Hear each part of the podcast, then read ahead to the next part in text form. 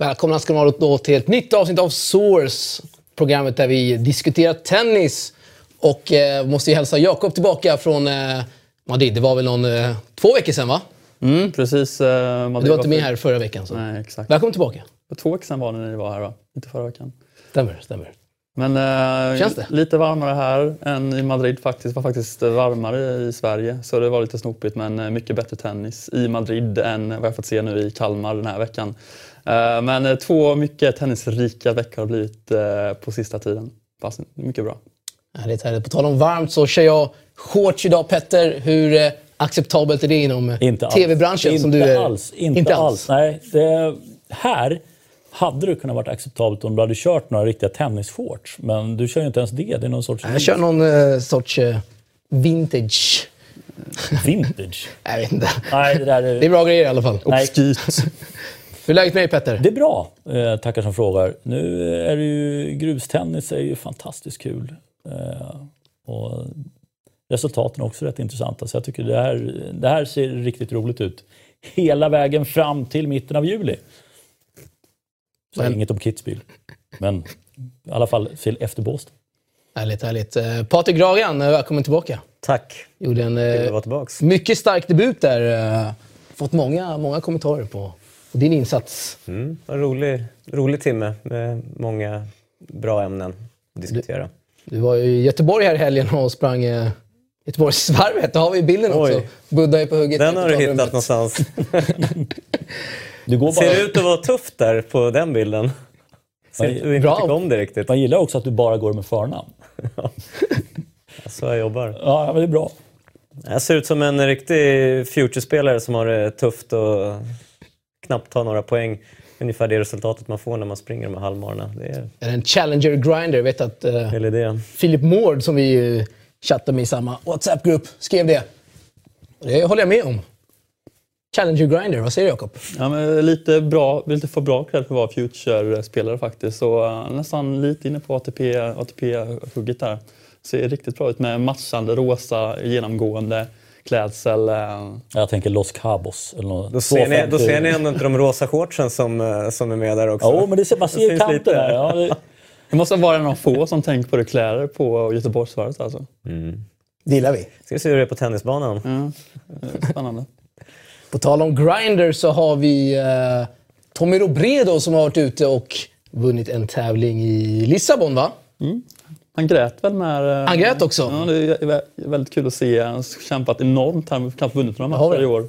Och nu gå in och vinna en, en Challenger. Efter att han har varit eh, fyra som bäst eller någonting. Något sånt i alla fall. Och eh, ja, det är riktigt kul att se. 36 år gammal, vinner en Challenger, gråter. Det är... Vad säger du Petter? ja, men jag tycker det är helt fantastiskt att han, och de skador som han har haft också och gått igenom. Vi kommer ihåg, han var i Båstad för ett par år sedan då han fick ett wildcard när han knappt hade kunnat gå ett halvår tidigare. Alltså han, jag måste säga det, det imponerar väldigt mycket och just det här kärleken till tennisen. Eh, jag tror att det är faktiskt att det är kärleken till tennis. Vissa spelare kan man få känslan av att de är rädda för vad som ska hända efter karriären. Men det här tror jag faktiskt det är ren och skär kärlek till, till sporten. Eh, jag Såg jag också, fick jag uppskattning från andra spelare för den här också. Jag tror det var Bruno Suarez som jag läste någonting också. Som Han gick ut och tweetade ganska hårt om att folk inte ska se till när de här Nej, veteranerna ska lägga ner, utan de, de får väl helt enkelt bestämma själv. Och det har väl jättekul. Mm. Ja. Se om det här blir ett wildcard till Båstad för det här då. Hoppas jag verkligen inte. Alltså. Nej. Kan bli. Det hoppas vi inte. Nej. Nej. Han får gärna kvala in. Fan, Det får han gärna göra. Ja. Klarar han av sin ranking? Lite tveksamt. Absolut, han är uppe på 170 nu så att Det Borde borde kunna räcka till kvalet. Definitivt. Och ett wildcard till kvalet så borde han ju kunna skaka fram i alla fall om det, om det skulle krävas. Nej, de borde gå till Men just där veckan efter Wimbledon med tre, tre 250 tävlingar så brukar kvalen kunna ha ett mycket lägre kutt också. Så att många challenges samtidigt. Mm, just det känner ni också. Ja, bra grejer. Vi ska vidare till Rome Masters.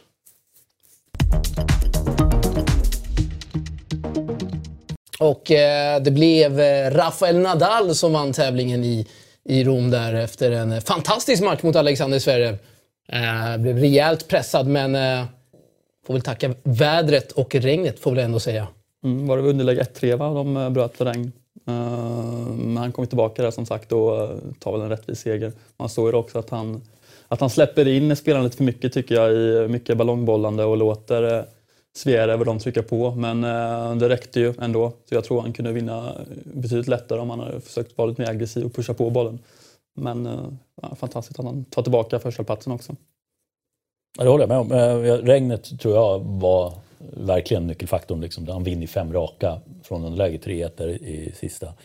Men frågan är om Zverev känns som en sån spelare som faktiskt känns som att nu har han vunnit några Masters också. Han, skulle, han skiter liksom i att han skulle ha 5-3 själv och matchboll mot Nadal i så här läge. Medan andra kanske skulle börja fundera lite extra att nu håller jag på att liksom trycka dit Nadal på grus. Bara det är ju fantastiskt. Så att, eh, ja, jag, jag, undrar om inte Zverev hade tagit det där om, om det inte hade blivit regnavbrott. Och sen får man inte glömma bort heller att det är två spelare på banan. Att Nadal ska göra vissa saker. Det kan ju vara en annan spelare som gör det väldigt svårt för Nadal också att kunna få ut max av sitt spel. Jag tycker det är intressant ändå, för två veckor sedan satt vi här och snackade om Nadal överhuvudtaget kan förlora set på grus och han, han hade tagit 50 raka och nu förlorar han ett set med 6-1 här mot mm. Zverev på grus och det är första gången sedan 2015 mot Djokovic som han förlorar ett set så stort på grus. Och så att han är... Lite grann har det, har det hänt grejer sen vi träffades sist när han förlorade där mot team och så han... Det måste ha känts lite grann. Ja.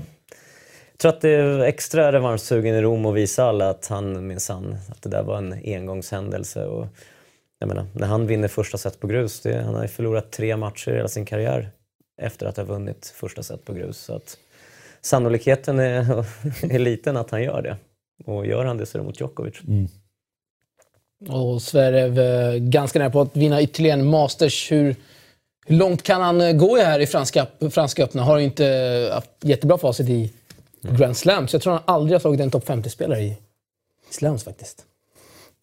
Nej, men det, han kan väl gå, om man visar om man kan ta set mot Nadal med 6-1 på, på gruset liksom i Rom så kan han väl gå han kan ju ha en helt final, en final i kroppen skulle jag säga. Men eh, om man räcker till där mot eh, Nadal i finalen. Vi ska ju se lottningarna först innan vi ska dra några slutsatser. Men eh, helt klart eh, semifinal.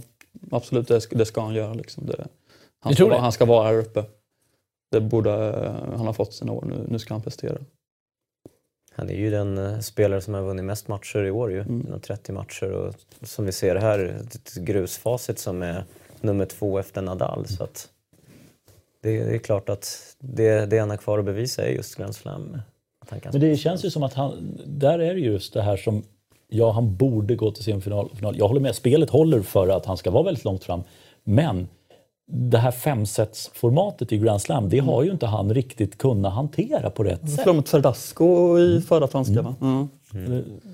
Och, och på, det är ganska konstiga förluster han har åkt på i många Grand Slams som har känts som att det här har han egentligen från början men mm. åker dit. Och någonting med det där tror jag spökar för honom. Alltså, jag, vet inte, jag kan inte peka på någonting exakt vad det är men han har, han har svårt över fem set helt enkelt. Mm. Och gå in som andra sida i Roland Garros och sätter så press på, eh, på Zverev kan jag tänka mig. Nu måste han verkligen prestera. Det gör det, men här är lite intressant. Jag och min kollega Henrik, vi satt och, och har diskuterat flera tillfällen.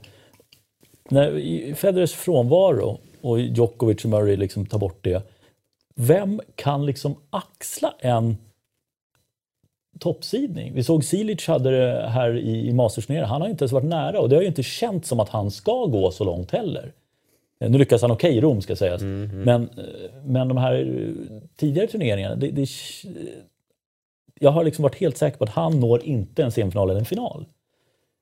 Finns det någon som har liksom den här toppsidad auran i en Masters eller i en Slam? Inte Sverige i alla fall. Hittills. Men jag tror ändå att det här är nästa världsetta som inte är de här fyra Big Four. Känns det som.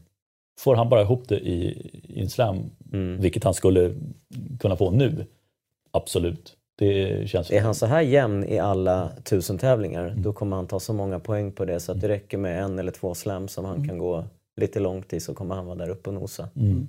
Vi såg ju team här i Rom också att han inte håller den jämnhet som Nej, krävs. Precis. Slå Nadal en vecka och sen förlora mot Fognini. Va?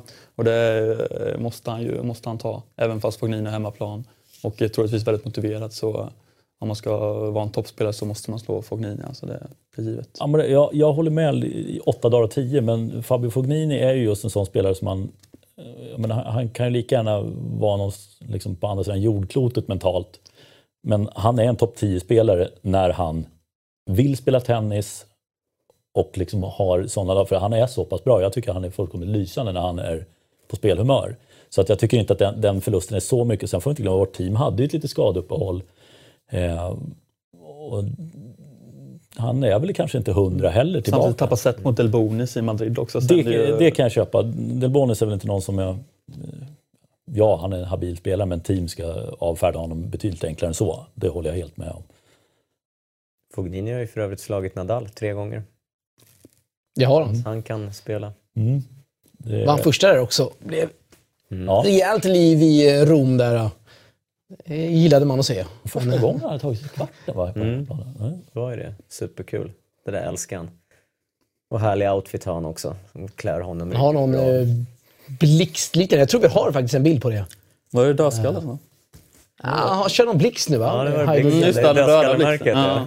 Ja, men det, ja, men det har han ju. Stämmer. Ja, jag, jag, var ju i Madrid förra året och eh, då sponsrade de här en sån här bås. Eh, mm. Och så står det besök, Fabio Fognini kommer hit 17.30. Jag står och väntar, vill ha en bild med Fabio såklart.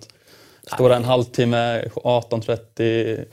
Och kommer, nej, han kom inte. Det var ingen jätteskräll. Liksom. italiensk tid där. Ja. Har ni blixten? Mm. Ser, ser hyfsat i alla fall. Uh... Den bilden ja. hade du kunnat göra bättre, Alex. ja, Nej, jag skön, tog skön lirare, Fognini. det var som uh, skickade den till. Ja, men det är, jag, jag, där har jag också lite, lite mellan så här. Otroligt skön, men samtidigt har han gjort såna extremt skeva saker mm. som jag liksom inte ens kan acceptera på något sätt. Mm. Humörspelare. Så att... Minst sagt. Mm. Men, men, alltså det, blir, det är ju så här, dum i huvudet, ja. Eh, sen vet man inte hur mycket spel för gallerierna heller. Eh, men just de grejer som han har gjort, då känns det som att han har trampat över gränsen vid lite för många tillfällen för att jag ska kunna omfamna honom med full kärlek. Men jag måste säga att jag, jag tycker verkligen om att se honom när han spelar och när han vill spela på riktigt. Speciellt på hemmaplan i Rom. Ja, men då tänder det. Ja. Där är det mer galna varje gång de ser honom. ja. det, det överförs från honom till ja. publiken. Mm. Ser han i Båstad också i sommar. Mycket spännande. Ja, han kommer och det kommer vi snacka mer om i avsnittet. Om vi pratar lite mer om Sverige. Hur många slams tror ni han har i karriären? Är det tiotals? Oerhört svårt. Är det, är det tufft, att, tufft att säga kanske? För, för, en kille som inte har vunnit någon än så är det, är det Han är inte jättegammal heller. Men att han har Tänk att han ska spela till 35, typ. Typisch. Ja, men jag, han, har ju, han har ju flera i kroppen, det, det, är jag övertygad om. Och just det att han är en väldigt komplett spelare. Eh, redan som väldigt ung. Det har han egentligen varit i ett, två år, tycker jag. Eh, det är klart att det finns saker att förfina, men just att han har väldigt brett register. Och, ja, det är väl gräs som jag är väldigt tveksam till, men de andra eh, känns det som att han är en contender för att vinna. Mm. Men han är ju bara 20 år och har redan vunnit tre olika Masters 1000 och är den första sedan 2005. Ja, det är bara Nadal va, som har haft... Tittar man på det här, Federer, Djokovic, Murray, ingen av dem har ju varit i närheten. Jag tror Federer hade nej, en. Inte i den här åldern, nej. nej de var jag 20. tror Nadal hade mm. fler, men, men i övrigt så är det ju han. Så det är ingen som har gjort det här på 13 år heller och mm. vunnit tre olika. Så att han ändå kommit in med, med resultat som, som eh, ingen annan har. Och vara så ung och göra det. Många nu slår igenom egentligen när de är mid eller höga 20 i ålder. Så jag tror att han har nog några slams i sig när han får lite ordning mentalt och börjar komma lite långt och det här spöket släpper på med att han aldrig lyckas i Grand Slamsen. Minst 10, kanske. Kom ihåg var du hörde det först. Mm. 12 säger jag. 12, oj, mm. har ni det.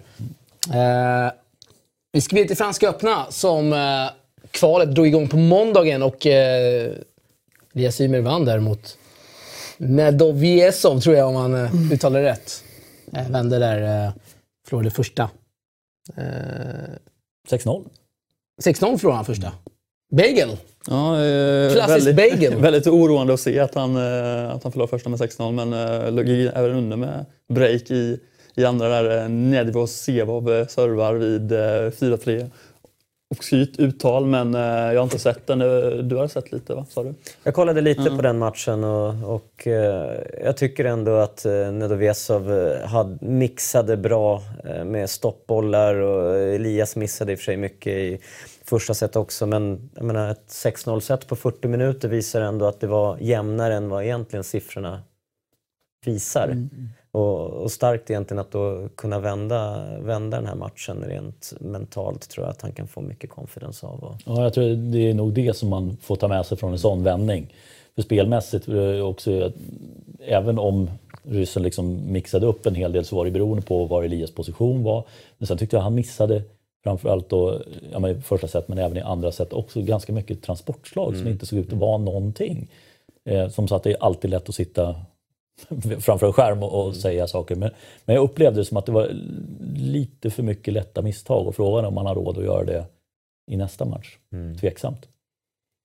Mm. De möter Facundo, Jakob. Mm, Bagnis. Sett, sett honom några gånger i Båstad. Eh, och, eh, inte, han var ju topp 100 där ganska stadigt något år, men nu har han fallit tillbaka runt 200 på rankingen. Spelade bra för några veckor sedan i en Challenger-final. Eh, och Jada Lara är ju en bra spelare, så en bra vinst där. Kommer bli väldigt tufft för eh, Elias tror jag, även fast eh, Bagnis form inte den bästa kan vi konstatera. Men, är det usel form där? Ja, alltså, han har inte spelat bra det här, det här året i alla fall om man bortser från den finalen för några veckor sedan. Men det kommer bli en extremt jämn match tippar jag. Men att Elias Ymer vinner med 7-5 i avgörande. Ett bra tips. En eh, fin lottning måste man väl ändå säga, Elesium, som brukar få bra helt, lottningar helt i alltså. GS-kval. Uh, Bagnis är den tuffaste motståndaren här skulle jag ja. säga. Va? I alla fall som ja. det ser ut. Ja. Säga nu. Det, men det, och det är ju hans största chans tycker jag i en slam att ta sig in i franska. Mm. Sen är det såklart Bagnis, han har varit, som du var inne på Jakob, 55 i världen var han ju 2016 och då vann han sex challengers på grus. Mm. Eh, förvisso alla i Sydamerika. Eh, I år, ja, men han har slagit Tennis Sandgren till exempel som var i kvartsfinal i Australian Open. Så att det är en tuff spelare, precis som, som vi är inne på här. Liksom. Det är den matchen han ska vinna, sen blir nästa match lite lättare förhoppningsvis. Men jag tror att det kommer, bli riktigt tufft. Han måste höja sig än, än den, eh, den matchen han hade idag mot Nedovesov. Vänsterhänt dessutom, Bagnis. Mm. Det blir tufft. Det tror jag. Det kan komma åt uh, Ymers backhand är ganska lätt, eller vad säger Jakob? Ja, det är bara att nöta på den, men han, backhanden är ju bra alltså. Eh, det gäller ju att få, få övertaget på Ymer bara så uh, har väl han en stor chans att ta hem det. Men om man inte Ymer hamnar för långt bakom baslinjen och får igång sitt servande så är det ju helt klart en stor vinstchans där. Ja, det här kan man väl se på Eurosport Player va? Tror jag. Jo. Fråga dig. Ja, eh. men jag, jo, jag tror det beror ju på lite vilka banor som, som de spelar på, men ja. De satsar väl i år? Kör lite extra där från kvalet vet jag.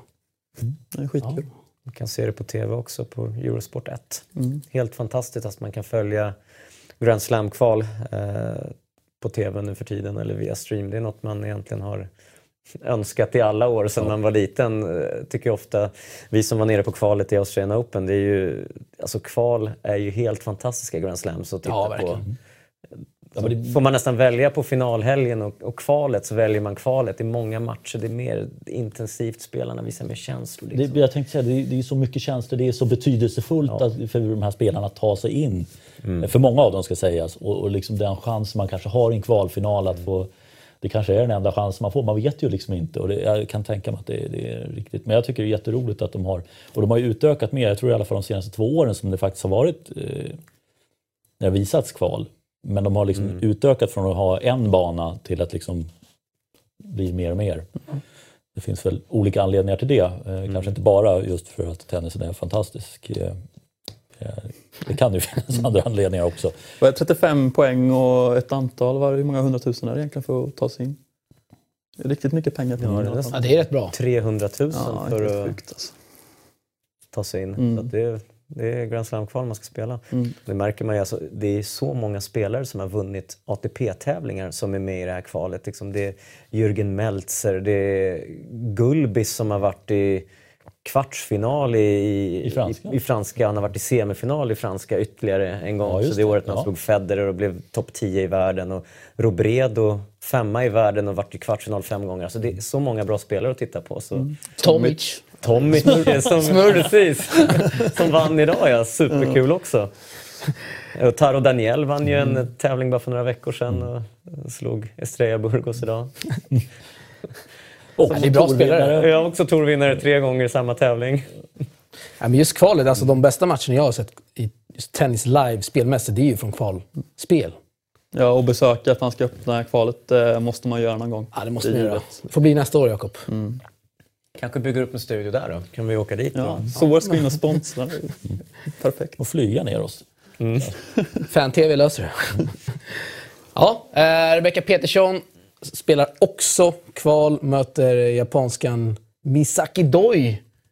Om jag uttalar det rätt. Ja, det var väl helt okej va? Den här bilden, den här bilden känner man igen vid det här laget alltså. Ja, det har ju varit många artiklar. Eh, många art- artiklar. Angående det så har jag faktiskt kontaktat en, eh, en eh, ganska känd fotograf som har lite exklusiva bilder på Re- Rebecca. Oj. Inte fått något svar dock. Men eh, Den var riktigt dyra för- förmodligen. Alltså. ja, det är bra, en bra bild är det i alla fall. Ja, Bra kvalitet. Sidad i hennes kvalgrupp är väl Bona, Bonaventure, eh, franskt eh, obskyrt ut- uttal också. Men eh, senast hon spelade var mot Janna Larsson i Bogota i april, förlorade mot Janna Larsson där. Så eh, en bra lottning för Rebecca Peterson också. Jag tror hon grämer sig lite, lite grann där. Titta på den här tvåan framför. Alltså. Det är så nära att hon går in. ja, jag tycker inte du kan begära att... eh, Nej, jag kan inte nej, begära, men, om, om, det, om det hamnar där så är det ju... Ja, det måste... Ja. Att det är så nära, jag hade inte tänkt mig det. Men men det- det, Måste bara stoppa det. Det är väl klart att hon går in i Wimbledon, va? Main draw. ja, det är klart. Det är klart. Det är klart. Fantastiskt. Superkul. Men det, det som blir nytt för henne är att hon plötsligt är favorit i samtliga sina matcher som andra sidad. Så att det är en, en, alla kommer vilja slå henne där. Mm. Ja, hon har ju faktiskt Som resten på sig. Och sen har är ju också en, en spelare som eh, har ju presterat tidigare i karriären i alla fall. Bonaventure, eh, Misaki Doi tycker jag det är en, en ganska tuff öppningsmatch. Andra rundan där har jag faktiskt inte koll på Di Lorenzo eller Lemoine. Ja, men eh, jag tycker ändå att hon har en väldigt bra chans att kvala in faktiskt. Ja, en väldigt fin lottning. Ja. Och jag tror hon har huvudet också för att bortse från det här favoritskapet. Eh, Det verkar som att hon kan hantera det, vad jag har uppfattat tidigare i alla fall. Av, eh, av det jag har sett eh, av henne. Ja. Gruset passar henne väl. Det är väl hennes bästa underlag. Ja, Har hon väl sagt själv, tror jag. Ja, inte, jag har inte jag några uppgifter på men var, hon har spelat väldigt bra på hard i alla fall i eh, Sydamerika där eh, tidigare år. Men eh, en komplett spelare med gräs kan jag inte tänka. Hon passar inte så bra kan jag tänka mig men eh, eh, helt klart en bra lottning. Vann ju tävling där i Frankrike också, på- just grus. Eh, Motsvarande en Challenger kan man väl säga eftersom mm. inte vet jag har nu. Ja, de har sina 125 men Men det, det heter Challenger nu. Heter det Challenger? Mm. Har de bytt till det? Ja. Ja, fasiken. Jag tror det var 125 Series hette det tidigare. Det står, jag googlade på det, det står VTA Challenger. Eh, Största ITFen var det som hon vann i Mm. alla fall. 100 000 var det. Just det. Ja. Det är bara att gotta sig ner i Eurosport Player. han borde spela imorgon va? Mm. Det ser borde ut- göra. Ja, Yes. fantastiskt. Perfekt för tågresan här imorgon. då. Får eh, ställa in ev- eventuellt plugg, Jakob. Köra streams. Ja, det är lugnt med det. Det är lugnt. Ja, härligt. Eh, vi, ska, vi ska gå vidare och summera svenskarnas insatser. Och vi börjar med eh, Miriam Björklund som har vunnit en eh, tävling på Future Touren. Final va? Final. Förlåt, hon var finalist i eh, Pixbo. Eh, inte alls vinnare, men eh, finalist. Fantastiskt eh, insats där efter eh, ja, lite upp och ner så här, resultat efter amortiseringsperioden i alla fall. Vad säger vi det, om det spontant, Jakob? Men hon eh, framträdde verkligen där i Swedish Open eh, i fjol. När hon var nära att vinna. Hon nära, väldigt nära, till och med matchbollar kanske möjligtvis. Jag kommer ihåg, vi har snackat om det här tidigare och du sa ju att eh, det är väldigt svårt med en sån, eh, och spela på hemmaplan, vet jag, och sen gå tillbaka till ITF-nivå. Och det har hon uppenbarligen inte klarat. Eh, hon har inte haft något bra år fram, fram till det här. Och, eh, men det är extremt kul att se att hon, hon tar för sig här och eh, ska bli spännande att följa henne nu i sommar. Eh, om hon kan fortsätta klättra upp, ligger väl runt vad är det, 500? Strax innanför 600 var det väl i alla Ja. fall när jag såg kolla sist. Men, och det, det är ju väldigt kul att vi börjar den änden med något positivt och att det är någon som tar för sig. För det är ju det jag kan tycka saknas och det kanske vi kommer till. Det, Det kommer vi definitivt till. Du har ju gjort ett gediget arbete där. Ett par timmar i alla fall, eller? Jag har suttit några, fyra, fem timmar på tåget och eh, ett antal timmar framför ITF, ITFs hemsida. Jag vet inte om, eh, om det kan signalera eh, några tendenser för framtiden. Vi får se vad, vad ni säger. Ja, Ja. Jag har faktiskt en, en liten summering där i tittarformat från just Miriam Björklund. Kika här. Mitt år började i Barcelona där jag har haft min bas de senaste två åren med lite försäsong inför två resor som var till Brasilien och till Tunisien. Däremellan så var jag också på Fed Cup och spelade lite. Nu har det dock blivit klart att jag flyttar hem till Stockholm så att jag har min bas på Salk eh, med Karim Benturki som huvudtränare och eh, Joakim Johansson, a.k.a. Pim Pim, som assistant coach. Min eh, fysbas är också med coach Nebs Academy. Det känns så sjukt kul och jag är så taggad för att komma hem igen. Eh, det har resulterat i att jag eh, gick till en final förra veckan på hemmaplan. Vilket eh, bevisar att det var ett bra val att jag kommer hem och får ha min nya bas här. Jag åkte med mitt nya team och det kändes verkligen jättebra. Finalen var lite för tuff för mig. Jag mötte Ravina Kingsley från USA. Hon spelade otroligt bra. Hon har varit 280 på rankingen så hon kan spela tennis. Men eh, jag kände att jag hade lite mer att ge men eh, fick inte fram det just på finalen tyvärr. Ehm, men som sagt otroligt kul att spela på hemmaplan och jättekul med publik och folk som kom och hejade och stöttade. Eh, resten av året ser lite ut som att eh, fortsätta träna. Mina nästa två tävlingar kommer vara i Ystad och Båstad, så hemmaplan igen. Det ska bli skitkul.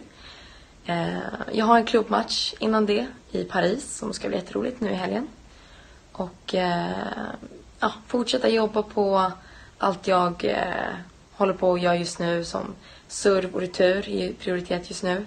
Och eh, fortsätta jobba med mm, snabbhet, spänst, styrka, allt sånt så att jag kan eh, utveckla mitt spel också. Men framförallt just nu för att ta nästa steg till 25 000 dollars tävlingar så tror jag att det är väldigt viktigt med serv och retur.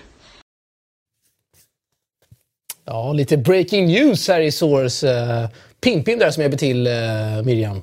Ja, eh, kul att höra. Pim Pim har väl varit borta ett tag på tränarsidan. Man var väl en del i Salk eh, i alla fall. Eh, jag vet inte om han är det fortfarande. Men kul att han är tillbaka och hjälper våra svenska tennisspelare. Han har ju kört eh, sitt eget där Pim Pim Eggs Management, eh, fantastiska videos på Youtube där som man har kollat Mycket på. bra, måste Mycket bra inspirerande, man har sett dem eh, in ett antal gånger. Eh, men det är kul att han är tillbaka och hjälper eh, svensk tennis. Får se om han uh, får till en liknande serve. Nej, det kanske man inte kan förvänta sig. Uh, ingen kan efterlikna Pim Pim när det gäller servande. det är så. Åh jäklar vilken serve. Uh, spontant, vad, vad känner ni kring det? Kring vad?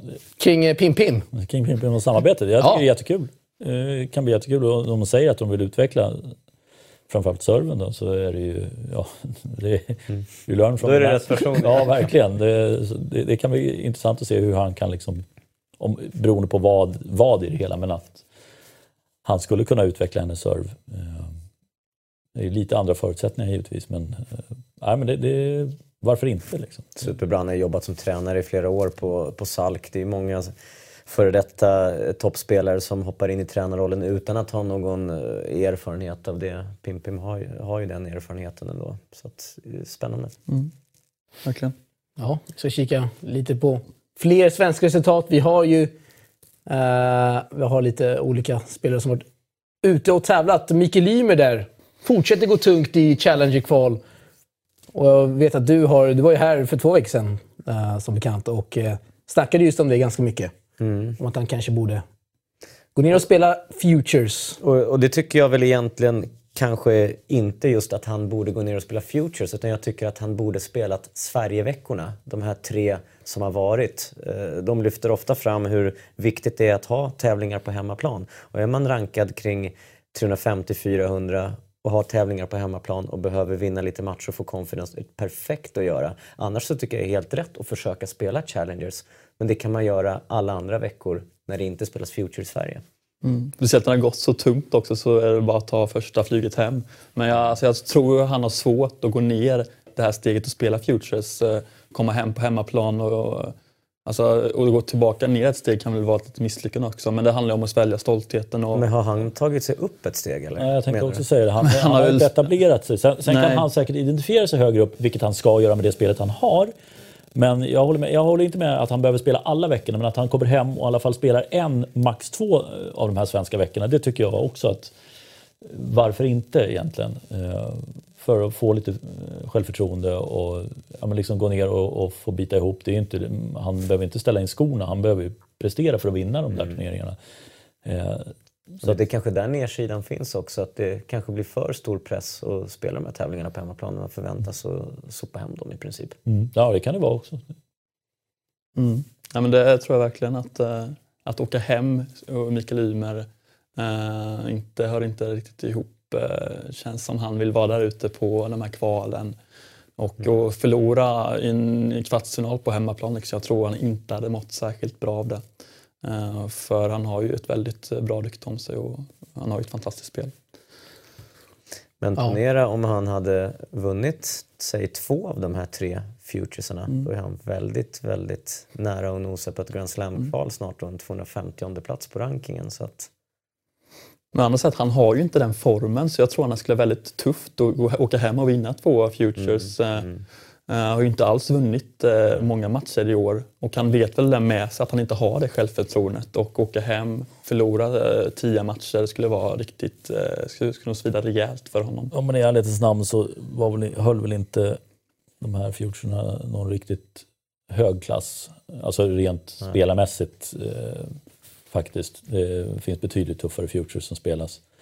Eh, så att ja, ja, men jag tror att ja, men skulle han kommit hem så är jag övertygad om att minst semifinal han hade inte förlorat tidigare.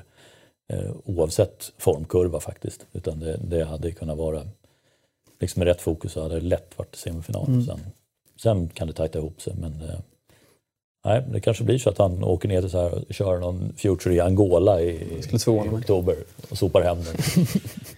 Varför inte? Ja, precis. Så den Uganda var det va? Niklas Ja, det är många som varit ute i Niklas Johansson. Det är en liten favorit till oss. eh, Mm, Morgan av någon Johansson. anledning. Marcus Eriksson var ju nere och spelade. ja, Mackan var ju där och plockade Men Nigeria va? finalplatsen. Ja, Ja, exakt. Nigeria. Han var där några veckor. Får skicka in en rapport. eh. Man vill ju veta hur det, hur det är där nere i... Spela de här turneringarna. Niklas tog en poäng förra veckan i, i Uganda. Mm. Vann första matchen. Grattis till honom. Grattis. Men han, han var favorit idag också. Ja, absolut. Det var han. Ja, jag tror vi har din, eh, din sammanställning som du har jobbat på där ett par vi- timmar. Ska vi snacka lite om Kalmar först och, de, och Karlskrona innan vi går vidare? Det kanske vi kan göra. Säga, du, du var inne på det riktigt, eh, eller vi ska inte säga dåligt stavsfört, men under, under nivån. Mm. Och att inte svenskarna tar för sig mer eh, är ju häpnadsväckande. Ju Berge vid semifinal förra veckan och Fred nu semifinal förra veckan. En- Denna veckan har 5-3, 30-0 i egen serve liksom, men eh, lyckas inte ta hem det.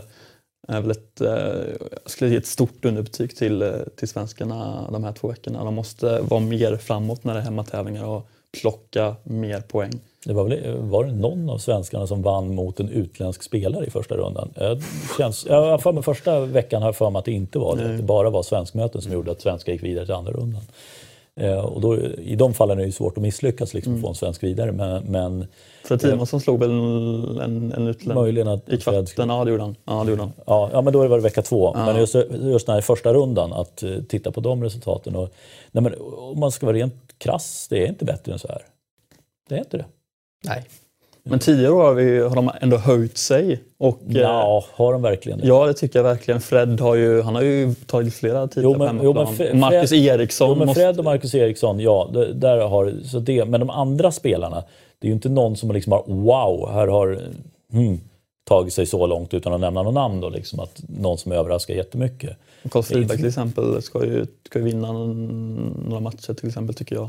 Ja, ja men, det- det är det jag säger, men det är det, det, är det jag menar. Att det, det, är, det är väldigt sällan som du ser dem ha gjort det historiskt heller. Det har inte varit så mycket sådana resultat på hemmaplan. Då är det snarare att de har lyckats gå långt, kanske i, borta i Baltikum är det en del som har gjort resultat och så. Och det, så att, jag tror rent krasst att det, det, är, det är inte bra. Det här är några förlorade år. Jag hoppas jag verkligen blir motbevisad för det här. För att det är inte så att jag vill sitta och sabla ner det, men jag, jag ser liksom inte just nu att det finns potential i speciellt många att klättra upp ens på Challenger-nivå.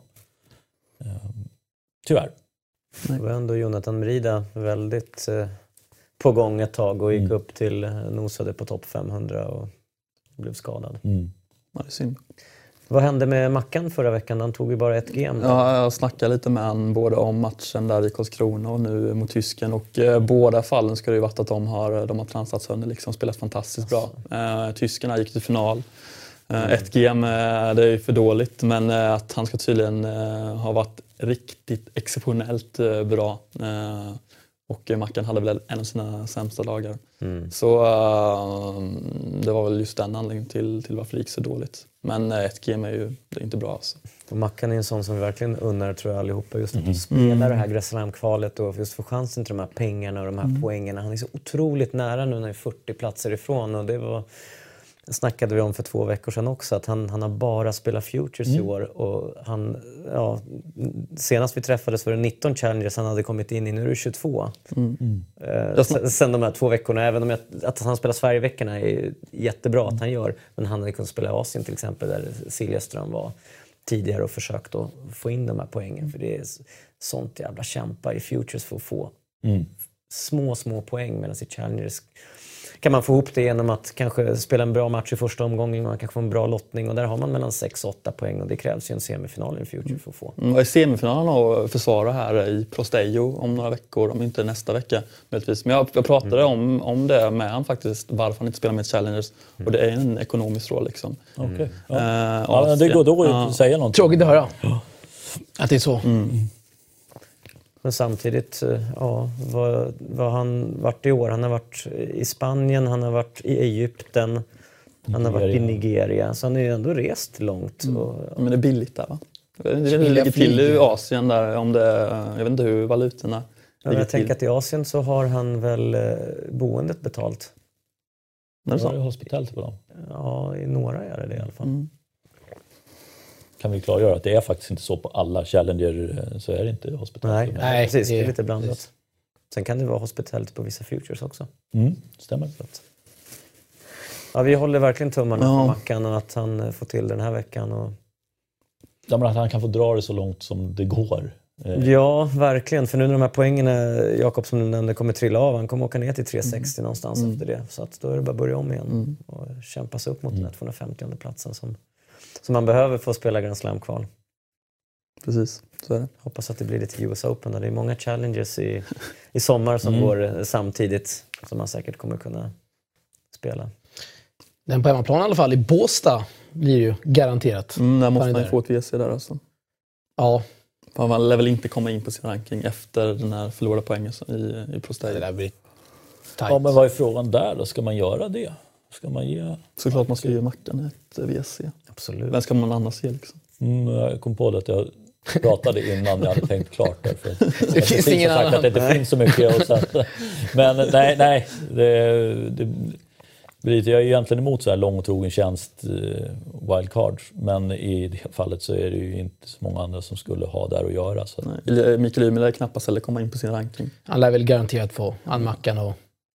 Han har väl tre va? Mm, tre wildcards. Mm. Mm. Det är ju inte omöjligt att det är någon, kan ju vara någon bättre spelare. Typ Tommy Robredo. Inte alls Ja. omöjligt. Niklas Johansson kanske? Ja, vi ser. Nej. Ska vi slänga fram den här eh, diagrammet? Ja, Har du diagram också? Ja. det är riktigt bra jobbat här. Oj, oj, oj, oj. Det är alltså ATP-poäng från 2010 i Danderyd till eh, 2018 i Kalmar. Antal ATP-poäng svenskarna har tagit och som vi ser här så börjar det fasas ut här. Eh, Vi hade några riktigt bra perioder här i Båstad, bland annat eh, 2014 där. Men eh, Men då Nu- spelar vi bröderna Ymer va? Ja, exakt. Får man räkna in också. Eh, Men nu börjar det se riktigt krasst ut eh, och eh, jag tror den, här, den kommer hålla i sig de här poängen eh, Lund den här veckan och sen uh, tävlingarna i höst också och även, även nästa år. Men i Lund var det ju en spelare som du hade torskat mot just Mm, var sin första pinne. Jag tog inte ett Oj. gem. Mötte han i Skummeslöv för spelen. Eh, vad kan man ha haft? Eh, 2010 eller någonting. Eh, blev beglad 0-0. Han var oerhört duktig. Kom. Dubbelbeglad? Ja. Oj. Eh, Körde han allt på din backhand? första och enda gången jag spelade Skummeslövspelen. Eh, Men jag hade riktigt otur i lottningen där. Han var väl en av de bästa i min åldersklass. Men eh, vad jag kommer ihåg, han så grym. Enhetsbacken där framme faktiskt. Jag vet inte om han har, har det fortfarande. Bröt han ner din backhand undrar jag? Ja, jag kommer knappt ihåg den matchen men jag var riktigt chanslös eh, måste jag säga. Kan jag erkänna. Var det ilskegråten som eh, gjorde att du inte kommer ihåg något? Nej, alltså, jag, visste ju, samtidigt. jag visste ju att han var riktigt bra så jag gick in med en riktig förlorarmentalitet tror jag. Det, I den matchen. Att jag visste att jag inte skulle ha en chans. Och eh, om man såg på inbollning där så bekräftas nog den känslan betydligt mer. Men att spela Skummeslövsspelen eh, var en upplevelse bara det. Eh, riktigt kul eh, tävling. Bra väder bara. Tog slut på inbollningen alltså. Ja, det kan man nog, det kan man nog sammanfatta det som. Men du, jätte, det här är jättefin statistik du har tagit fram. Måste jag säga. Mm, Det, Ja, är, mycket bra jobbat. eh, det är eh, faktiskt... Många som kommer tappa poäng i år ser man ju. Staplarna 2017 gick eh, ut mot 25an. Och i år Mm. har de ju inte tagit så mycket så att... Men jag vet inte, vad tror ni? Kommer, här, kommer den här tendensen fortsätta neråt eller kommer den behålla samma nivå som den gjort eh, de här senaste, senaste fem tävlingarna? Vad, vad tror vi egentligen? Nej, Jag, jag tror att det ligger där i det nedre spannet Mm. just nu. För det finns inte så mycket att fylla på med. Det är det som är problemet. Det finns inga som, just nu de här årskullarna, just nu, det, det finns liksom ingen som jag ser som ska komma... Hade ju några grabbar som spelade bra i college med Gustav Hansson och Kalle Söderlund och... Kalle Söderlund har fallit bort helt ur raden alltså. Mm. Så jag vet inte vad som, vad som har hänt där. Men Hansson försökte lite grann här för ett par veckor sedan tyckte jag såg honom borta i den Han är ändå amerikanska topp fjollen. 700 och Men jag fick inte mm, knappt lirat några tävlingar. Gick inte han och vann en Future från ingenstans? Ja, ja, precis. Hansson. Det gjorde han. Ja. Precis. Så han har på väldigt få tävlingar egentligen Mm.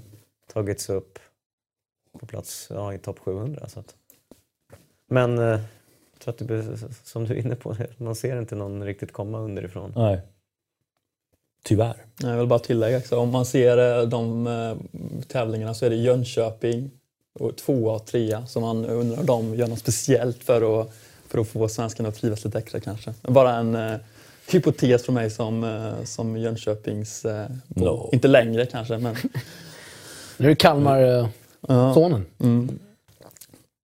Det kanske är en, eh, bara 10 poäng här 2014. Ja, 12, 2017. Mm.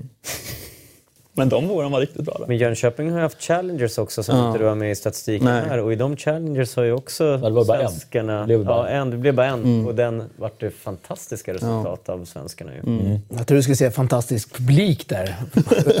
jag såg i finalen, det var ju 10 pers. Golubev Kachanov. Ja, det Ja, det var ju en sjukt bra match. Det var jag och 10 till. Ja, det är synd. Och det är, vi, En vi, tresetare. vi visar ju hur svårt det är med, med tennis. Att det, inte, ja, men det hade nog inte spelat någon större roll om det hade varit en svensk i final. Då hade det varit 30 pers där. Ja, men exakt. Och jag, så att jag, jag tycker liksom initiativet som han tog där nere, vad heter han, Claesson, Martin Claesson. eh, var extremt lovvärt och, och allting. Men jag har liksom all respekt för att det är svårt att väcka intresse i svensk tennis just nu. I alla fall på här sidan. Tyvärr. Mm. Jag hörde att det skulle vara en Challenger här i någon klubb i Bromma, men att det blir till nästa år. Så det får vi helt enkelt se. Ja, det är otroligt Det blir så. Vi har ju Båstad också här. Ja. Eh, som det är mycket, mycket, drag, mycket drag kring med publik och så vidare. Eh, så det är ju en lysande turnering. Men en Ja. Challenger inomhus hade varit exceptionellt bra. Såg vi ju när, det gick, när svenskan gick så bra i i Jönköping. Vad var det? Isak Arvidsson i kvarten? Eller han slog ju Dustin Brown i alla fall. Det. Lesym i kvarten. Mm. Eh, Dubben gick de väl Det ganska en helsvensk rejält i. dubbel Ja. också. Det var det. För Simonsson och var det Mackan? Så de två vann den. Mm. Ja.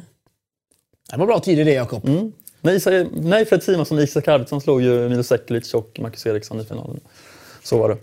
Det var då man önskade att eh, Fred och Isak skulle spelat mycket mer på dubbeltouren när de tog sig upp så på sin ranking. Jag vet inte riktigt vad som hände där. De skolade ju Middelkoop eh, och Koolhof heter de. Som är, går ju riktigt bra på ATP-touren, dubbel. Eh, lite sidospår där kanske, men... nej, de visar att de kan ju spela på den nivån. Gör bra ifrån Fred och Mackan har ju, vann ju första futuren här. Mm. Final i andra. Ja. Och så spelar de den här veckan också. Mm. Ja, men, ha ett bra dubbelpar är ju bra, men det, ah, satsa på singeln säger jag. Mycket roligare. Det var roligare för oss, men om man tänker, om man tänker utifrån deras yrkesskicklighet så är det ju, om man ska titta liksom vad man kan få ut max så jag tycker det var jättesynd att Isak Arvidsson, jag har liksom verkligen full förståelse för att lågan kanske släcktes också med att man satsar på singel och så går inte det. Och så, eh, han försökte väl lite grann i dubbel också. Han spelade med några andra utländska partners också. Men, Kom in i några challengers. Ja. Eh, Men gi- liksom fick inte med sig resultaten där och jag tror det krävs väldigt mycket för att man ska orka kriga där på liksom, tennisens division 1 eh, i dubbel. Liksom. Det, det är inte så att det är klang och jubelföreställning vart du än kommer. Eh, Det är nog, måste man nog gräva ner rätt djupt och klara mentalt också. En spaning här också. Och ekonomiskt. Ja, Fidde Rosengren var ju förbundskapten under x, x antal år. Jag vet inte om man kom in, ja, vad var det, runt 2000, 2013, 2014 något sånt. Så slutade eh, runt här någonstans. Eh, och, eh, och ha honom vid sin sida eh, i de här hemmatävlingarna tror jag är väldigt viktigt. Jag såg eh, Kalmar, det var absolut det var inte knappt några tränare där liksom, som peppade på de svenska spelarna. Eh, Så eh, Fiddes medverkan tror jag kan, kan påverka de här siffrorna ganska mycket ändå. Man ska inte underskatta FID-effekten. Kolla bara Edmund. Mm. Det ska man inte göra. ja, minst sagt. Eh, är vi klara med Sverige Ja, och svenskarna? tycker jag. Härligt. Och eh, glöm absolut inte att ni får ett eh, fantastiskt erbjudande på Leo Vegas. Vart femte spel på tennis får ni gratis. Det gäller året ut. Jag måste fråga dig Jakob, hur går det med tippningen? Det är alltid intressant att höra. Ja, jag, Du brukar ju skriva till mig då och då att nej, vi, jag, Fan och ja, jag var ju på gång, på gång där i, eh, inför Madrid. Det är alltid kul när man är på tävlingar och tippar lite. Så jag körde igång ett konto där, eller satte in lite nya poäng. Jag inte spelat på några månader. Eh, ta lite pauser ibland, det är mycket viktigt. Men eh, satte in några pengar i Estoril där. Fick ett ganska bra flow. Eh, men eh, matcherna, jag satte en dubbel på Tsitsipas och Chung oj, i första omgången på Madrid och där eh, började det gå ut för och sen eh, lades ner. Men jag, något plus eh, gick i alla fall i Madrid innan jag stängde ner butiken igen. Ja, för, men nu sa du ju att du hade ett bra tips. Att Elias skulle vinna 7-5 i tredje här mot Bagnis. Det är Ja, men eh, inte ska, bara ett tips, utan ett bra tips ja, också. spela... Nej, gå inte så hårt. Små insatser. Ja, absolut. Eh, nyckeln, absolut. Och säkra tips, eh, kombinera eh, 1,4, 1,5 år eh, tycker jag är absolut eh, bästa. Inte köra på de här eh, chansningarna för dem och jag det mycket sällan dem alltså. Även fast man eh, spanar ihop några som man var lite sugen på men inte riktigt vågade. Mm. Men, eh, Generellt så känns det som att spelbolagen har ju verkligen ja, men, höjt sig de senaste åren kring liksom, Challenger-spelare och Future. Att de har bättre koll på, mm. på lirarna. Så gör en research där hemma, gott folk. Ja, lyssna på oss Eller också. Det brukar ju vara... Lyssna på dig framförallt. Var det Ja, 6-7 ja. raka där på... Det går bra nu. Ja, så lyssna på Alex när det gäller betting. Alltså. Ja, ja, nej, ibland. ibland. Ibland. Vi hade fyra raka torsk någon gång också. Nej, Jag tror det var sju. Nej, det var riktigt mörkt då. Ja, då var det, nej, det var mörkt. Uh, bättre, det blir nog bättre ibland sådär. Ja, men det kan det bli. Eh, Det är mest när man känner att det här känns kassaskåpssäkert. Och det gör det ju alltid. Eh, Men det är också, det är, för min del så är det ju 1,40 det är minimum men eh, du ser vissa spelare som, du, som jag tycker spelbara. Sen finns det andra som man överhuvudtaget inte ska befatta sig med men det behöver jag inte nämna här vilka Nej, det vet de flesta. Men att vara, inbitna. jag har är på min svartlista nu till exempel. Ja, efter men så är det. 2-0 mot Tomic eh, rör man Hase. inte. Nej, men att vara, vara på de här tävlingarna och på grustävlingar så kan man, jag tror man kan lära sig extremt mycket om hur mycket de tränar, hur de ser ut mellan poäng som man, som man inte ser på TV. Det kan man nog eh, få ut ganska mycket av till exempel. Så det tror jag på. Grus är väldigt effektivt också. Ja. Patrik då, innan vi går vidare här.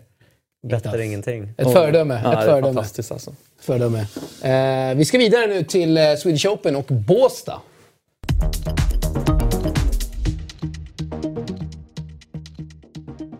Och Swedish Open har väl, får man väl ändå säga, det är en av de bättre startfälten på mycket länge.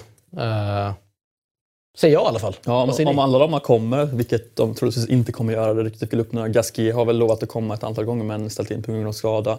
Men om, om alla de här kommer så måste det vara bästa på väldigt, väldigt många år. Jag vet inte om var det fyra topp 10-spelare där, där någon gång 2000, 2010.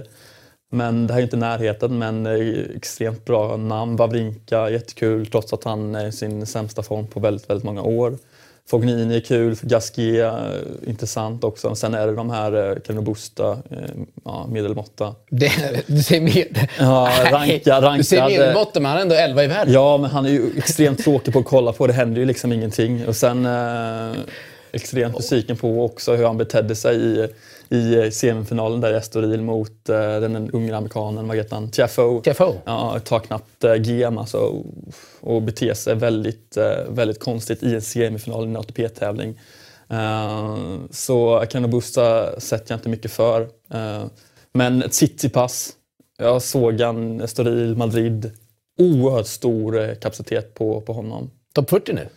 Ja, Sjukt, sjukt bra alltså. Hur han, får, han tar inte ens i liksom i slagen och även får, får den längden hela tiden. Eh, väldigt effektiv spelare. Det lite jobb för dig där nere, Petter? Säker, säkerligen, säkerligen. Nej, jag, jag, måste, jag håller med. Jag tycker det här startfältet är, eh, eller de spelare som är bekräftade, är, det är väldigt roligt. Roliga spelare. Eh, in- Ja, men Ferrer har vi sett där eh, många gånger och samma med, med Verdasco. Men jag tycker ändå att det är Nej, men det, där, det är roligt. Får de dit alla, om någon försvinner, det räknar jag kallt med att det gör tyvärr. Eh, Men får de dit den där så är det ju... Ja, men det är någonting som, om jag inte jobbar så skulle jag betala för att gå och se det. Eh, Och det ja, man har sett en hel del och är rätt kräsen, men här finns det faktiskt rätt intressanta spelare. Eh, Jag håller med, Tsitsipas tycker jag ska bli jättekul.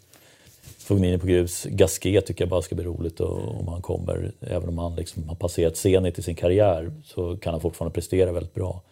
Wawrinka har jag tidigare sett men eh, det ska ändå bli kul att, att se honom efter han har liksom har blivit Ja, nu är han ju tillbaka ner, men ändå liksom efter han har varit där uppe på den absoluta toppen.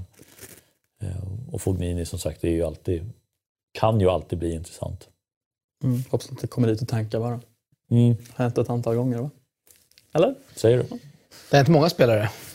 Som, Gasquet och Wawrinka, det snackar vi världens två vackraste enhandsbacken som kommer till Oh ja. Båstad.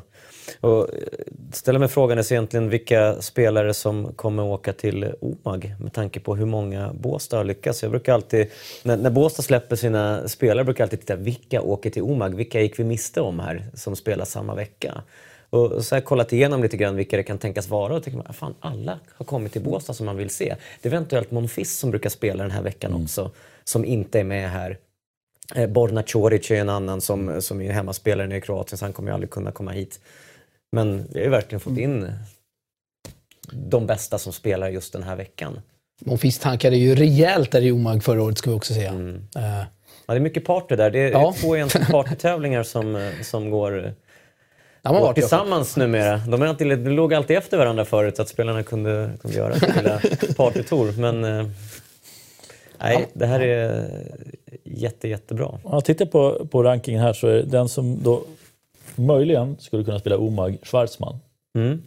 Håller med. Det hade varit kul att se. Hade varit kul att se. Och sen Dominic Thiem, han spelar nu när han har missat några veckor på grund av skada, nu jävlar då ska han göra allt. Och team, precis, han spelar många 250 år så att, Ja. eh, definitivt hade han kunnat varit eh, den man då skulle vilja ha här. Fidde, om han skulle kunna locka ner Kyle Edmund. Det tror jag inte veckan efter. Eller, han har haft en månad i England med massa press och fokus. Han ska vila till Washington egentligen. Och, Ja.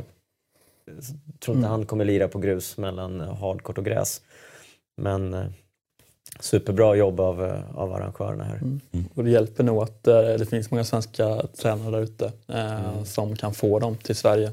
Norman har inte lyckats med det här tidigare och få Wawrinka till, till Båstad. Men det, måste ju också var man är i karriären. Mm. Men är du trea i världen då, då är liksom inte fokus att åka till Båstad efter Wimbledon. Liksom, mm. Oavsett hur det har gått. Det, tyvärr är det så. I, i... Med rätt påse pengar så är väl allt möjligt? Ja, jag, jag, nej, men jag tror inte ens det. Inte ens det. det, det, det är, de tar hellre att ja, men de ska ju vara som bäst mot US Open och då är det liksom inte läge att åka och ta en, grä, eller en grustävling veckan efter om man inte heter Dominic Thiem. Typ.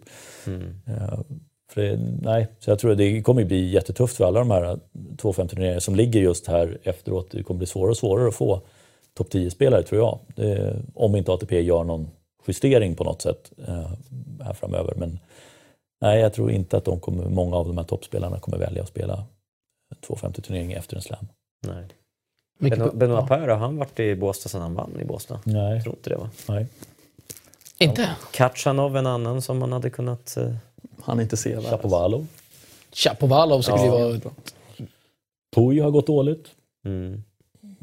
Chapovalov lär dock, dock dra till Kanada tror jag direkt efter Wimbledon och ladda för sin hemma, hemmasäsong. Mm. En amerikan kanske? Jack Sock? Nej, men de, de, de, de, är i Newport och spelar sin hemmatävling. Det är bara Isner och sen så är det väl Rajiv Ram som vinner finalen med mm. 7-6, 7-6. Man skulle vilja se en Kyrgios nere i Båstad. Och... Ingen bra kombination. Nej, jag skulle hellre, Nej, kanske hellre se en Stockholm. Faktiskt. Kanske inte. Eh, apropå startfältet, vad tror ni, eh, om vi tänker till publik, hur mycket plus skulle man kunna gå här i, i ja, men, mycket fler publik eller åskådare skulle man kunna locka med det här startfältet än säg förra året? Det är väl inga, tidigare. Det är väl inga extrema publiksiffror vi får se med det här startfältet. Wawrinka kan troligtvis locka någon men för att locka den eh, breda massan så är det ju liksom Nadal, Djokovic och Federer som gäller. Ja, eller svenska framgångar. Ja, svenska framgångar är det som är, eh, det är det som, ja, men det är det som lyfter. Mm. Det är det. Mm. Då har vi ändå världens elfte bästa spelare, Carreno Busta. Det vet nog inte många vem det är. Nej, skulle jag säga. Och Wawrinka har vunnit tre slams. Mm. Ja, precis. Det, nej, jag tror det, det, är tyvärr så att det, det, är så enormt svårt för att nå fram i bruset. När, då har du Nadal, Djokovic, Federer. Möjligtvis, Murray är inte heller helt självklar i den kvartetten om du frågar gemene idrottsintresserade person. Ehm, så att det, det är jäkligt tufft för, för dem att marknadsföra det. Liksom att få dit fler. Men jag tror också Wawrinka kan locka lite grann. Men i övrigt är det ju oss som mer eller mindre redan frälsta som går igång på sånt här. Man hoppas att arrangörerna inte har betalat för Carino Busta. Ja, det är mycket möjligt alltså. Ramos Vinolas måste ju vara med också. Men jag vill, han saknar man ju. Jag, jag letar efter någon sån här eh, officiell entry Jag vet inte om kommit ut. Nej, han? Efter första veckan i franska. Ja. Han, eh, det här har de ju skrivit ut på Swedish Opens officiella hemsida. Mm. Mm, det såg inte jag något om när jag var inne där. Uh, och då har den här Mikhail Samulski varit, uh, varit uh, på tårna och uh, ja, men skrivit ut. Många retweets fick han där. Alltså. Han brukar vara väldigt mycket mm. på tårna på Twitter. Samulski. Mm. Det ska bli spännande att se hur många av de spelare som dyker upp. Fernando Ferdasco får må förvånad över att han fortfarande håller den höga nivån som han, som han ändå gör. Även fast han inte kommer locka många publik, eh, publik till sig. Men eh, vi får se hur det blir i sommar. Men det är ändå, ja, men det är ändå på något sätt är det bra att en sån spelare kommer hit igen. Men han håller ju en, en, liksom en tillräckligt hög nivå för att, för att vara för det. Om, om jag tittar liksom, det, katten liksom, det är, det är roligare tycker jag att se Fernando Verdasco klar än att man skulle se att Berankis, Ivo Karlovic och Jocke Bambri är klara. Snacka inte ner Jocke Bambri. Nej, men, men, det är inte som man trillar av stolen, det är det ju inte. Fast det vore Nej. rätt kul att se Jocke Bambri när jag tänker efter. Jag har inte sett honom. På bana 1, eller bana 2 sätter man honom nedre första omgången där. Ja, ja, vi får se va. Ja, det får vi nog göra. Uh, vi ska vidare till vårt sista segment här i programmet. Som du har koll på, Jakob borde ha koll på. Veckans mest obskyra. Ja, det är ju din gren. Men äh, på det, den, äh, den stavningen som SVT äh, eh, gjorde på Sverder och Silic är ju en, en bubblare till den mest obskyra Silic med S och CH. Var inte det någon undertexter-grej? Jo, Typ? och Sverige med S-V-I-R-I-F. Eh, det är helt sjukt alltså, hur man kan stava så fel. Och, eh, Swedish Open gjorde också en riktig tavla och skriva Tsitsipas namn där. Det var... Jag vet inte vad som stod där. Uh, ska man ha lite känga för. Men här kommer veckans mest obskyra.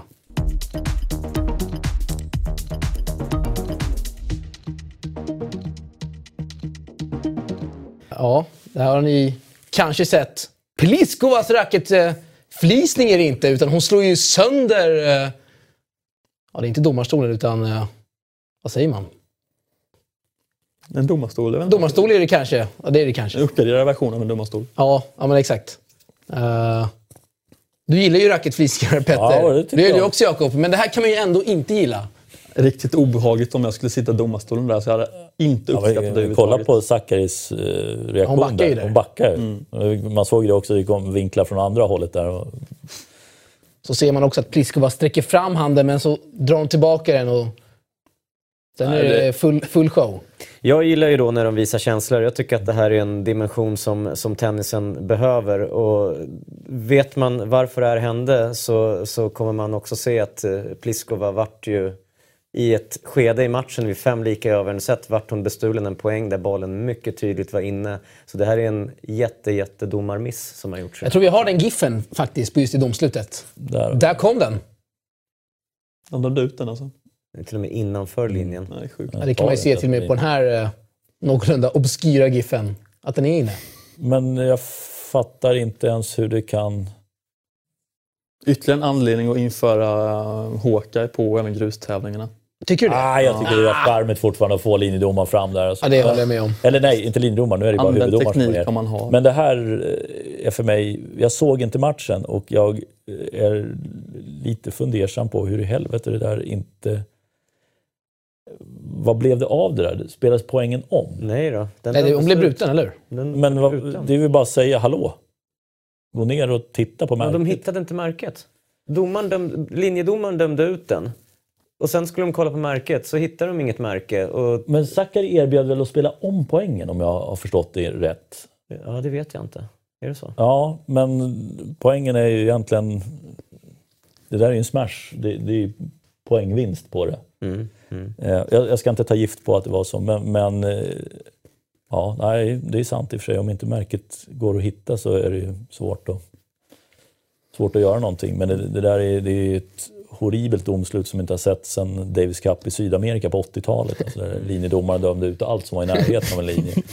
Eh, Så det var, tuffa, det var tuffa ord från Pliskova på Twitter också mot den här domaren. Sen kom det ut några falska uppgifter som sa att hon blev eh, petad från Franska öppna och Wimbledon. Att domaren inte skulle få vara med där. Eh, Men det stämmer inte. Utan det var klart långt innan. Men Racketflisning all ära, men är det inte lite tufft att slå sönder en domarstol på en domare som sitter där och försöker göra sitt jobb? Alltså, jag tycker det, Det här lär hon få ganska höga böter för, antar jag. Ja, hon fick böter för det, det tror jag de redan, det är redan klart. Men det är det, klart. var ingen avstängning på det. Vilket, eh, för att när, när, du börjar gå där, jag är helt med också här med känslor, det, det, det måste man få visa. Sen att du ska rendera en varning och si och så, det, det, det tillhör spelet. Men när, där börjar det komma nära, liksom, är det okej att stå och veva på de här reklamskyltarna framför linjedomaren? Nej, det är inte det, för att det, det blir så väldigt... Hade de satt racket i backen och, och flisat det precis bredvid stolen, fine. Men här är hon på liksom domarens arbetsredskap. Och det, nej, det, där tycker jag att det, jag har liksom all respekt för att jag anser mig vara ganska lugn. Men det där hade jag nog också kunnat gå i spinn på. Hade du sagt om någon kom fram och slog ner ditt skrivbord på, på ditt jobb? Ja, nej, det hade jag tyckt var lite otrevligt faktiskt. Jag hade nog gjort lite som Sakari där och tagit ett par steg bakåt. Ja, Men nej, det där det var inte snyggt. Det var uselt dömt. Eh, inte bara dåligt, utan uselt dömt. Eh, men eh, ja, det är svårt i stridens sätta också. För hon är det där har hon byggt upp Pliskova också från. Just vid fem lika också. Ja, det är en sak att leda över 6-1, 5-2. Eh, Men nej, det... Ja, stackarn ska jag inte säga. Men eh, Nej. hon skulle kunna vara... Nya tag i Paris här snart. Ja. Vecka. Det blir det. Och eh, nya tag för oss om eh, två veckor, Jakob. Ja. Och då har ni Båstads entry list. Då har vi den. Ja. Då är vi också mitt inne i eh, Franska öppna. Precis. I eh, Extremt... eh, första veckan tror jag va? Extremt Inne i- bra avsnitt. Eller? Nej. Inte? Nej. Säg, Det är börjar det på fake måndag. news vet här? du. Det börjar på söndag, ska jag säga. Det blir väl blir inte mitt. det ska börja alltid på söndag. Tänk på att, Andra veckan menar jag. tänk Ja. på att entry Andra list veckan. Jag släpps första? på tisdagskvällen. Jag menade andra veckan. Så den kommer inte hinna till det här programmet. Tisdag kväll. Mm. Är du hundra? Mm. Det är mycket oklara uppgifter här. Får se. Ja, vi får se. Se om den hinns med. Eh, På kan inte vilken källa kunna... man har. Ja, exakt. Avbryter programledaren. Nej, det är lugnt. Det får man Och göra. ski. Det Och måste ski. lite tempo. Det har, vi ju, Och det har ju ski. du varit inne på. Och skitempo. Kanske har Patrik varit inne på det. Måste ha högre tempo här i programmet. Ja, men helt okej tempo tycker jag det var. Då. kan jag hålla med om att det är, ibland så... Nej, han med två powernaps. När det gick lite för långsamt. Jag tog en eh, extremt lång powernap innan programmet. Hur som helst, eh, tack för att eh, ni kom, Petter. Tack Alex. Och Patrik, stark insats igen måste man Ja, säga. fantastiskt alltså. Mycket bra. Och Jakob, stark insats av dig också. Detsamma. Får vi inte... Ja, tack. tack. Glöm inte att Leo Vegas är huvudsponsor av Swedish Open. Det blir, det blir ett par eh, mycket fina tävlingar där inför tävlingen i Båstad. Det får inte missa. Och eh, folket får inte heller missa att vi finns på Instagram, Jakob. Eller hur? Nej, absolut. Eh, Source heter vi va? jag vet inte hur aktiv är där, men eh, Ja, följ oss på, hyfsat aktiv. på Twitter tycker jag. Det är med. Ja, tycker jag är en bra idé. Ja, det är bra. Följ med på Twitter också. Ni tycker Jag om behöver, jag behöver på mer Twitter. följare. Vad sa du? Ni tycker om brasor på Twitter. Ja, det är Alex Brasor? tre, exakt tre brasor. Ja, det blir många retweets av Royal Wedding, men det är ett annat avsnitt här i helgen. Eh, Inflation i brasor. Alltså. ah, mycket bra, mycket bra. Eh, ses om två veckor. Tja! Tja.